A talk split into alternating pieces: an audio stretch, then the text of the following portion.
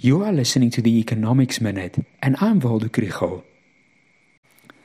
Load shedding is biting again this week, and Eskom predicts that there could be up to 100 days of load shedding this winter.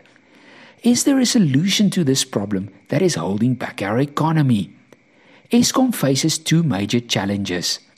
One is the fleet of very old coal fired power stations that cannot generate enough electricity to meet demand there is a shortage of between 4,000 and 6,000 megawatts.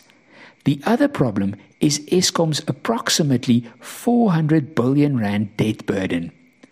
So we know that we need to generate more electricity. A small part of this will come from households and businesses that generate it themselves. A larger part will come from independent power producers, and another part from Eskom itself there are positive developments on all three fronts. It's possible to generate up to 100 megawatts independently. In bid window 5, additional generation capacity of 2,600 megawatts was purchased from independent producers.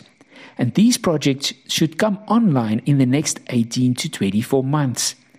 Another 2,600 megawatts of solar and wind power energy is planned for bid window 6, and that should provide electricity by 2024 25. Then Eskom itself has plans to generate renewable energy and has submitted major plans for this and received partial funding at the COP27 summit. But the restructuring of Eskom and the so called just transition to green energy will all cost money that Eskom doesn't have and cannot borrow. Eskom doesn't make a current surplus, but the cost of maintenance and of servicing their debt is so great that bailouts are frequently needed. The Treasury has already given 136 billion rand to help pay Eskom's debt and another 88 billion has been budgeted uh, up until 2025-26.